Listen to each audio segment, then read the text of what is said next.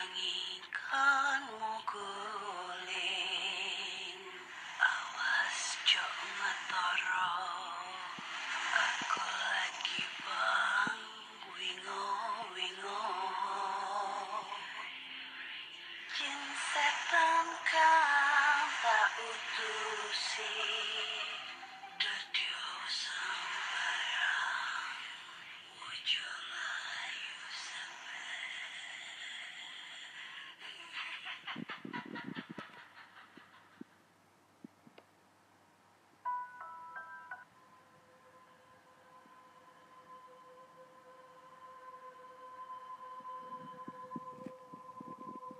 Assalamualaikum warahmatullahi wabarakatuh. Selamat datang di podcast kisah horor.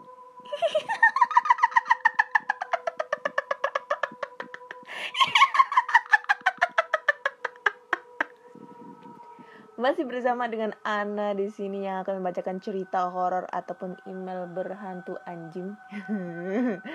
email berhantu yang sudah dikirimkan teman-teman melalui podcast kisah horor at gmail.com ataupun di DM Instagram podcast kisah horor dan DM Instagram Ana Olive. Oke, ya ini aku ya kebetulan banget ya ini backsoundnya keras banget bentar ya.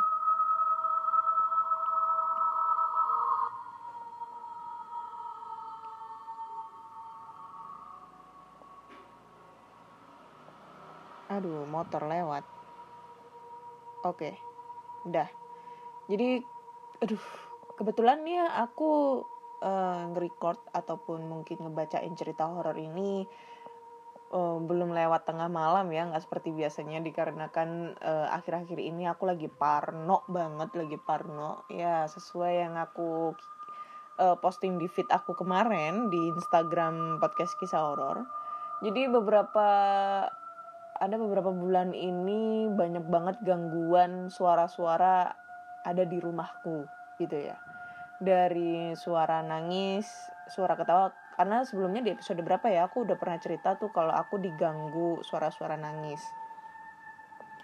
Nah kemarin eh, hari apa ya hari Kamis kemarin kan aku sudah kirim eh, salah satu video.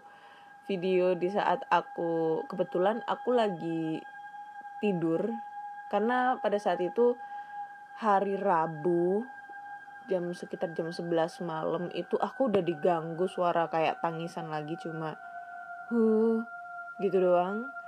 Dan habis itu ngilang. Waktu itu langsung merinding cuy. Merinding banget.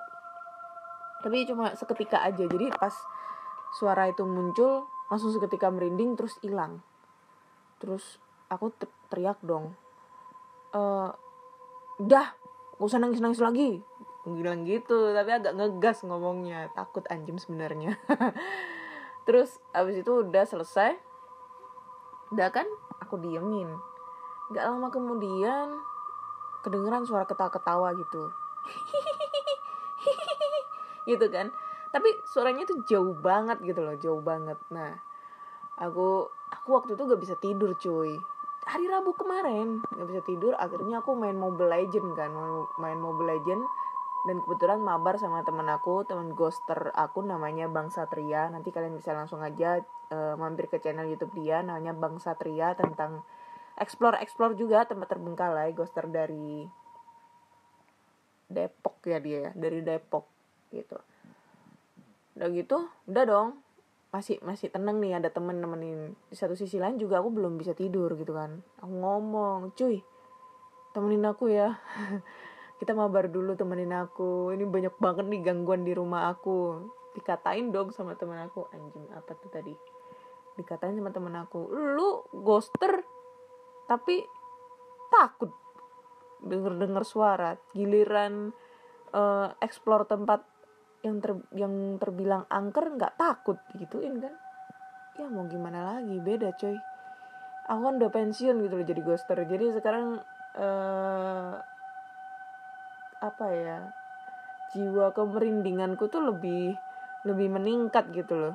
Nggak kayak dulu. Dulu itu gak ada takutnya. Sekarang masih ada takutnya cuy. Gitu kan. Udah kan? Selesai.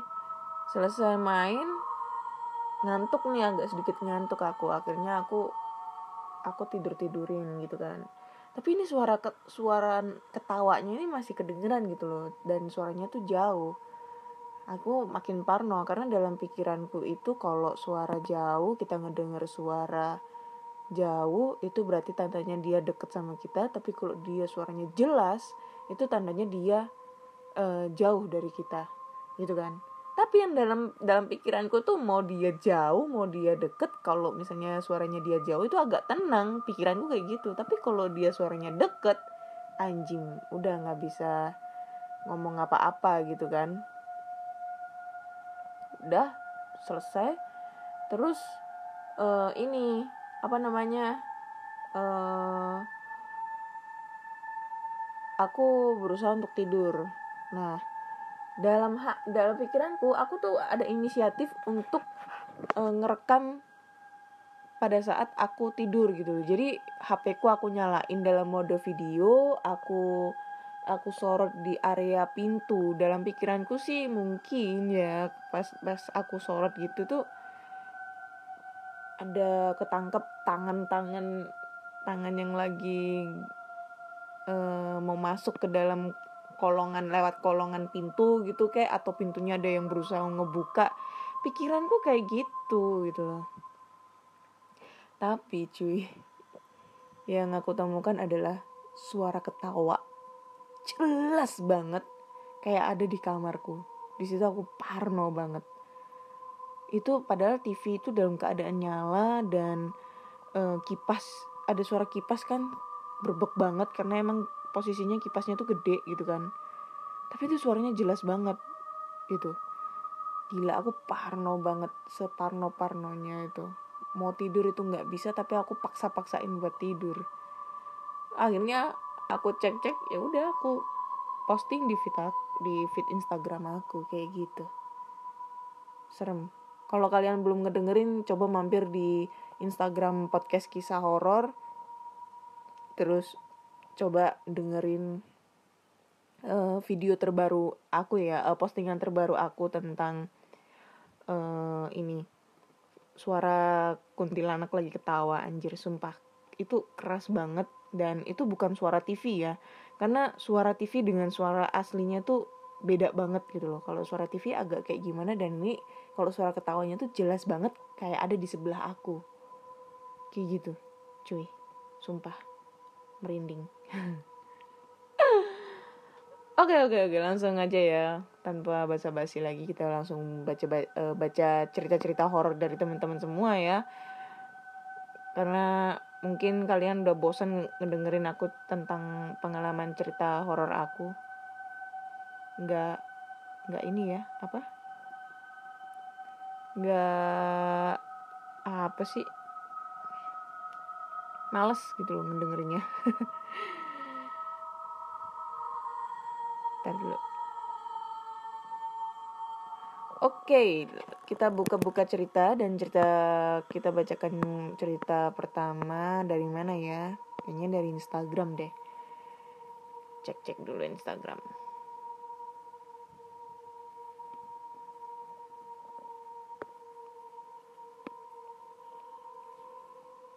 wait eh kenapa di sini nah di sini Oke, langsung aja kita bacakan ceritanya. Dan cerita pertama datang dari DM eh ya DM Instagram. Selamat malam Kak Ana. Uh, namaku tolong jangan disebutkan ya Kak dan nama sekolahku bilang aja sekolah pelayaran kayak gitu ya. Wih sama dong. Kita satu alma mater coy. Sekolah pelayaran. Oke. Okay. uh, eh, aku berasal dari sidoarjo. Uh, jadi aku mau cerita tentang pengalamanku sekolah pelayaran. Waktu pertama kali masuk sekolah itu uh, seneng dong pastinya keterima di sekolah elit kayak gitu hehehe waktu ba bada bintal bada bintal itu apa ya selama tiga bulan mos kalau di sekolah oh mada bintal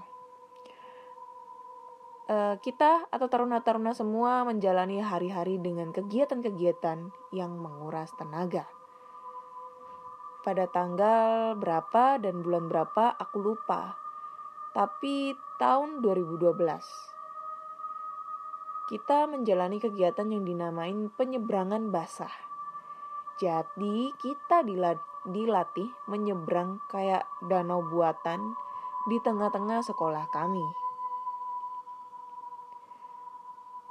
Singkat cerita, kegiatan itu dilakukan dengan minimnya alat keselamatan dan minimnya pelatih. Awal dilakukannya kita ada kurang lebih 350 taruna-taruni. Tapi anehnya, selesai penyeberangan basah, kita cuma ada 349. Lah, di mana yang satu taruna? Eng eng. Semua dikumpulin di tengah plaza oleh perwira kita. Di tengah-tengah pengarahan, salah satu dari kami teriak. Aku lihat satu taruna yang lari dari danau ke sport hall. Perwira dan pelatih lari ke sport hall. Ternyata gak ada apa-apa di sana. Kita keliling sekolah tanpa adanya hasil. Satu orang dinyatakan hilang hari itu. Satu hari berlalu, dua hari berlalu, tiga hari berlalu. Polisi dan tim SAR semakin ramai di sekolahku. Dan hari ke satu dan dua, semua tim SAR menyelami danau itu dan tanpa adanya hasil. Dan di hari ketiga, pencarian dari pagi sampai malam. Dan anehnya, jenazah dari almarhum muncul sendiri. Dengan pipi sebelah habis, ya taruna-taruna mikir positif aja. Mungkin digerogotin ikan. Oh, pipi pipi sebelahnya habis ya eh, di jenazahnya itu. Anehnya, tiga hari pencarian danau yang gak begitu besar kok gak bisa ditemukan sampai dia muncul, uh, dia muncul sendiri. Sedikit info, juru kunci sekolahku pernah bilang kalau danau itu dulu tempat pembuangan mayat waktu zaman Belanda. Keanehan tidak selesai di sini. Sewaktu hari, waktu aku jaga pukul 12 dini hari sampai 4 subuh di pos 4 yang notabennya paling dekat dengan eh paling dekat dan paling jelas melihat danau itu aku lagi jaga sama juniorku waktu pukul setengah tiga pagi juniorku aku suruh istirahat sebentar dan bikinin aku kopi setelah juniorku pergi aku melihat jelas ada orang dengan mata merah sedang lari-lari mengelilingi danau itu. Aku baca doa sebisaku. Terus dan terus. Orang itu seperti bayangan hitam dan merah di bagian mata. Gak lama aku perhatiin, aku dikagetin sama temenku yang jaga di pos 3. Hoi, ngelamun aja, Aku nengok lagi, bayangan itu udah hilang. Bener-bener jantungku kayak copot pagi itu. Kejadian aneh juga waktu catar, calon taruna. Baru masuk kampus, dan lagi-lagi aku jaga malam waktu itu. Hampir 50% dari catar itu kesurupan massal. Beritanya banyak catar yang membawa jimat dan pada waktu itu mereka semua tidur di sport hall dan makhluk halus yang ada di sport hall nggak suka dengan kedatangan mereka dengan membawa jimat tersebut. Alhasil kami taruna-taruna yang jaga diperintah untuk mencari semua jimat-jimat itu. Ada yang berbentuk buntelan kecil dari kain kafan, kertas yang bertuliskan mantra-mantra mungkin, kayu-kayu yang ada tulisan, dan lain-lain. Demikianlah cerita yang pernah aku alami. Kalau kurang seram, mohon maaf. Oke, okay, thank you buat ceritanya yang tidak mau disebutkan namanya tapi oke aku tahu ini lokasinya di mana dan aku tahu itu danaunya yang berada di mana. Itu biasanya danaunya dibuat di klat. Danaunya sering dibuat di klat. Di klat sar itu. Dan apa ya? Ya mungkin kalau pendengar dari podcast kisah horor ini sebagian besar adalah ada anak pelayaran yang maksudnya pelayaran Surabaya itu pasti tahu tentang uh, kejadian ini dan mungkin tahu tentang lokasi ini ataupun tempat danaunya tersebut. Pasti tahu ceritanya. Kalau aku sih tahu banget ini. Ini ini ini ini tuh dari zaman aku kuliah aku tahu itu. Kejadian itu kayaknya zaman kuliah ya 2012 itu aku semester berapa ya?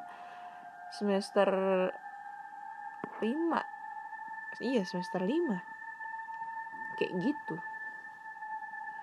Oh ini emang serem sih danaunya itu dan memang sering katanya sih kayak memakan korban gitu apa ya cari tumbal kayak gitulah. Kalau denger denger ceritanya sih ya yang um, dari desas-desus dari penghuni kampus tersebut gitu.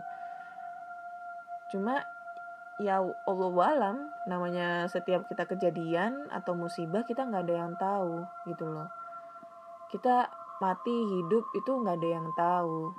Rejeki mati jodoh dan lain itu kita nggak ada yang tahu. Itu sudah ditakdirkan sama Tuhan. Kita hanya menjalankan aja. Kayak gitu ya. Tapi ya ya mau gimana lagi? Soalnya kebanyakan yang aku tahu itu kejadiannya selalu ada di danau itu gitu. Huh. Aku tahu itu tempatnya di mana. Oke okay, thank you ya. Siapa namanya itu tadi? Ya itulah yang nggak mau disebutkan namanya untuk cerita pertamanya cerita pertamanya lumayan serem ya next kita langsung ke cerita berikutnya ya hmm, cerita berikutnya oke. Cerita berikutnya datang dari email kayaknya ya. Langsung aja kita bacakan ceritanya.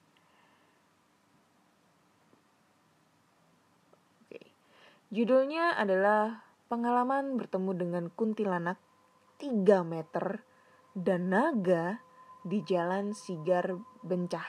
Sigar Bencah. Sigar Bencah itu di mana ya? Gila, kuntilanak 3 meter. Naga cuy. Kayak di Harry Potter aja. Hai, kenalin namaku Agi. Agil. Ya, namaku Agil. Tolong jangan sebut nama emailku ya, Kak. Oke. Okay. Sebenarnya aku ada banyak pengalaman horor. Tapi menurutku ini yang agak membekas. Aku bisa dibilang bisa melihat mereka atau indigo. Indigo, cuy. Tapi hanya sebatas aku bisa melihat mereka dan gak bisa berkomunikasi sama mereka uh, mungkin bukan indigo ya mungkin lebih bisa dibilang six sense gitu cuma kepekaannya itu sebatas melihat tapi belum bisa berkomunikasi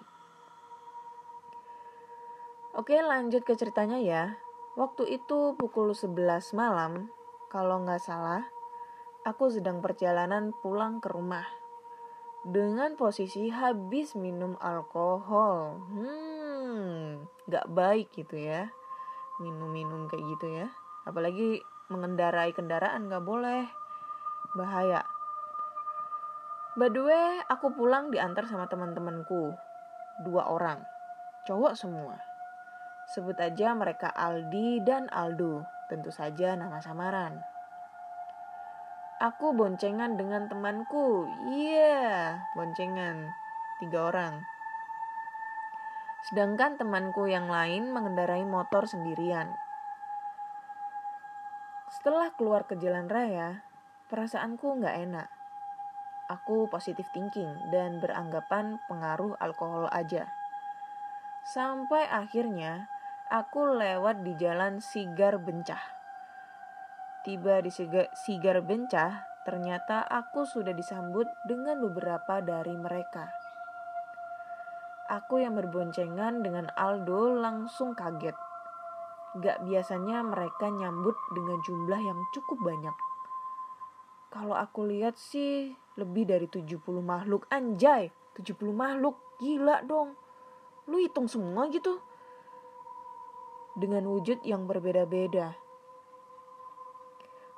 Aku masih positif thinking. Mungkin mereka tertarik dengan darah. Karena sewaktu itu aku lagi haid hari ketiga. Di tengah perjalanan aku dihadang hmm, naga, penjaga sigar bencah yang panjangnya kurang lebih 2 km, berwarna ungu kebiruan. Dia melintas dari jalan A ke jalan B, tapi aku nggak bisa melihat kepalanya karena saking panjangnya dia. Aku yang lihat itu sontak kaget, tapi si naga itu melintasnya nggak berlangsung lama, karena cuma 20-30 detik aja, dan tiba-tiba menghilang. Karena aku berboncengan dengan si Aldo, otomatis si Aldi sendirian. Tapi pas sampai pertengahan jalan, ternyata dia lagi ngeboncengin kuntilanak merah yang tingginya sekitar 3 meter dengan posisi berdiri di atas motor si Aldi. Yang lebih mencekam adalah si kuntilanak merah itu sambil senyum lebar sampai bibinya bibirnya robek. Kejadian itu cuma berlangsung sekitar tiga menit. Setelah itu, dia terbang ke arahku dan tertawa yang sangat nyaring. Aku yang kaget langsung ngebanting setir si Aldo ke kiri dan ya, kita berdua terjatuh. Aldo kaget, tapi setelah dia ngeliat aku yang fokus ke arah pohon, tempat kunti merah tadi nangkring, dia langsung paham dan bergegas menyalakan motor lagi. Sekian dulu cerita horor dari aku. Lain kali aku bakal cerita yang lainnya. Salam Agil. Oke, okay, thank you uh, Agil buat ceritanya. Aduh, mungkin karena kamunya habis minum-minum gitu ya, jadinya tuh antara suges atau mungkin karena apa ya? Memang posisinya kamu lagi haid atau mungkin memang kamu melewati jalan yang bisa terbilang angker gitu jadinya ya kayak gitulah dan apalagi ketemu naga cuy gila ketemu naga tuh mungkin jelmaan kali ya jelmaan siluman kayak gitu ya ibaratnya kayak jelmaan siluman yang berbentuk naga keren cuy kalau misalnya lu jepret itu naga dan lu posting di Instagram lu atau di Facebook lu, uh seluruh dunia gencar itu kalau naga. Kalau cuma cuma kuntilanak terbang mah paling cuma di Indo aja yang gencar. Kalau naga terbang, woi seluruh dunia itu yang tahu. Dan lagi kuntilanak merah, anjir. Gue kalau ngomong kuntilanak nih takut, takut nanti kalau dia nyamperin lagi cuy, karena secara ya kalau kita cerita lagi cerita horor yang setidaknya itu menceritakan tentang mereka pasti dia itu ikutan nimbrung buat ngedengerin kita cerita. Karena yang diceritain itu mereka gitu loh. Merasa terpanggil gitu loh. Semoga aja yang di rumahku bukan kuntilanak merah kuning aja deh atau hijau atau pink kali ya. Jadi kalau kuntilanak merah itu kuntilanak yang sangat jahat gitu ya. Kalau aku lihat di Wikipedia gitu tuh kuntilanak yang sangat jahat yang penuh dengan dendam dan amarah yang belum terbalaskan ya pokoknya dia tuh penuh dengan dendam gitu loh. Jahat banget. Kalau kuntilanak putih tuh lebih ke hanya sekedar mengganggu dan ya centil-centil gitulah mengganggu gitu yang notabene nya dia nggak bisa mencelakai tapi kalau kuntilanak merah itu dia bisa mencelakai orang tersebut kayak gitu. Jadi kalau misalnya ketemu dengan sosok ini tuh agak waspada juga bagi yang ya yang mereka bisa melihat gitu loh. Apalagi yang diganggu itu agak waspada juga. Kayak gitu. Uh. Indigo. Six Sense. Oke, okay, aku tunggu nih ceritanya Agil buat cerit berikutnya ya. Ini kalau misalnya Agil itu punya kemampuan kayak gitu pasti banyak banget cerita-cerita horor yang pernah dialami. Next kita lanjut ke cerita berikutnya ya. Cerita terakhir eh, datang dari Mahardika. Hai Ana eh, aku Dika di Bandung mau share cerita nih Cerita ini kejadiannya sekitar 2 tahun ke belakang. Dulu pas aku masih kerja, aku bareng sama dua teman aku yang namanya Desi sama Fitri yang punya rencana buat nonton di salah satu bioskop di daerah Jalan Braga. Nah, kita nonton ambil yang ta yang jam tayang terakhir, hmm, midnight. Karena kita kebetulan pas hari itu kerja shift siang. Eh, sepulang kerja, kita langsung berangkat ke bioskop tersebut. Dan kebetulan film yang mau kita tonton emang akan sedang tayang. Jadi kita nggak perlu nunggu lama di lobi dan di studio tempat kita nonton juga cuma sedikit. Singkat cerita, film udah selesai. Sebelum kita balik, kita ke toilet dulu. Aku ke toilet cowok dan si Desi sama si Fitri ke toilet cewek. Pas aku keluar dari toilet, kebetulan banget aku sama si Desi pas-pasan di pintu keluar to- toilet. Aku nanya sama si Desi, Des, si Fitri mana? Masih pipis, lama dia mah di toiletnya. Aku pun sedikit melangkah ke dalam toilet perempuan dan berteriak, Fit, burukan. Eh, burukan ya? Ngomongnya ya? Fit, cepetan. Di dalam toilet perempuan, aku yakin banget kalau yang ada di sana cuma si Fitri doang. Terus aku balik lagi ke si Desi dan menyampaikan sebuah ide. Des, kurang sumputan yuk ah. Des, kita sembunyi yuk ah. Hayu, jawab si Desi. Kita sembunyi deh di lobi. Biar pas si Fitri keluar dari arah toilet, kita kagetin dia. Kita udah siap-siap kagetin dia dan ada suara langkah kaki yang aku kenal banget itu ritme langkah kaki si Fitri. Dan karena dia kalau jalan itu langkah kakinya pasti agak digesek. Dan pas suara langkah kaki itu udah dekat banget, dar! Teriak aku dan si Desi sambil loncat. Dan betapa herannya kita karena di lorong itu gak ada siapa-siapa. Dan pada saat aku sedang bertatapan dengan si Desi, si Fitri baru keluar dari toilet. Niatnya mau nakut-nakutin orang, malah kita sendiri yang kena batunya. Hmm. Itu dah lu. Sok-sok mau nakutin temen lu, malah lu yang kena ditakut-takutin dong. Sen- Senjata makan tuan itu ibaratnya ya ya itulah biasa kebiasaan ya kalau misalnya kita midnight gitu kita nonton midnight itu pasti ada sisi sisi seremnya ya pada saat kita keluar dari gedung bioskop apalagi kita menelusuri lobby lobby lobby lobby mall yang lorong-lorong mall yang yang ibaratnya udah gelap sepi gak ada pengunjung kayak gitu ya. Kayak cerita aku di episode sebelumnya tuh pasti serem banget kayak gitu. Uh.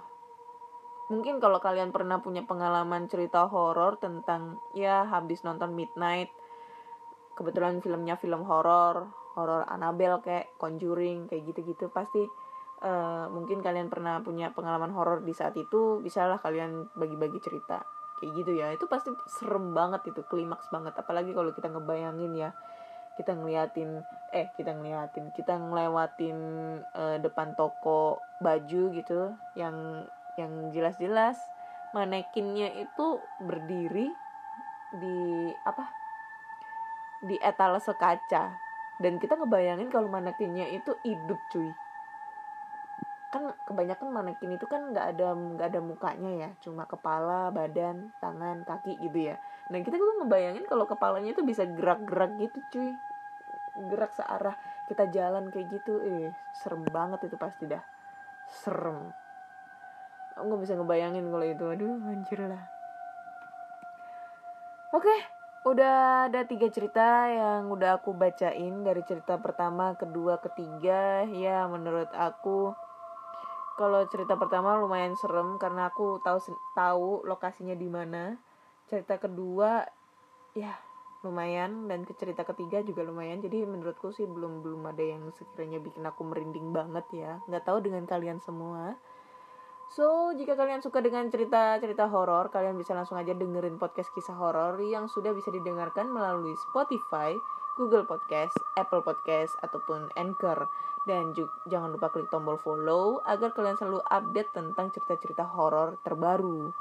Dan uh, kita menerima lagi, uh, saya lagi menerima tentang kritik dan saran kalian ya, kritik dan saran kalian tentang uh, selama saya membacakan cerita dari teman-teman kita tampung dan kita pertimbangkan bagaimana baiknya podcast ini ke depannya. Karena ke kemarin ada yang mengkritik ke Ana kalau bisa banyak banget sih kalau ini yang kritiknya ke Ana kalau bisa nge, uh, pada saat ngebacain cerita horor jangan sampai tipe atau lagi uh, salah ngebacanya kayak gitu ya.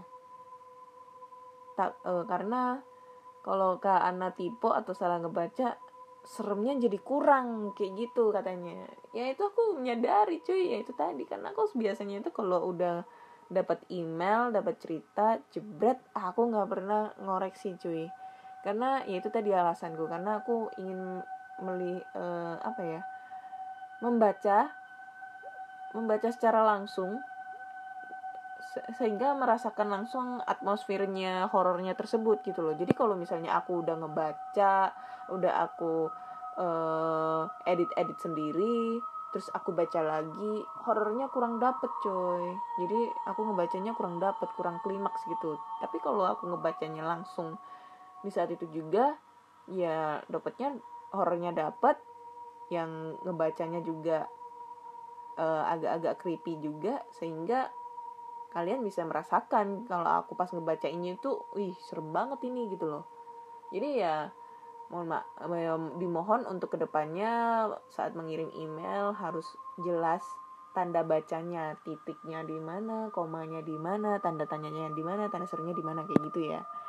Itu deh Oke, okay, thank you semua yang sudah ngedengerin podcast kisah horor. Jangan lupa dikirim ceritanya di melalui podcast kisah horor gmail.com ataupun di DM Instagram podcast kisah horor dan DM Instagram Ana Olive. Jangan lupa follow Instagram podcast kisah horor dan terima kasih sudah mendengarkan. Ditunggu kritik dan sarannya. Next, kita akan membacakan cerita-cerita yang paling serem lagi. Oke? Okay? Thank you semuanya dan selamat malam.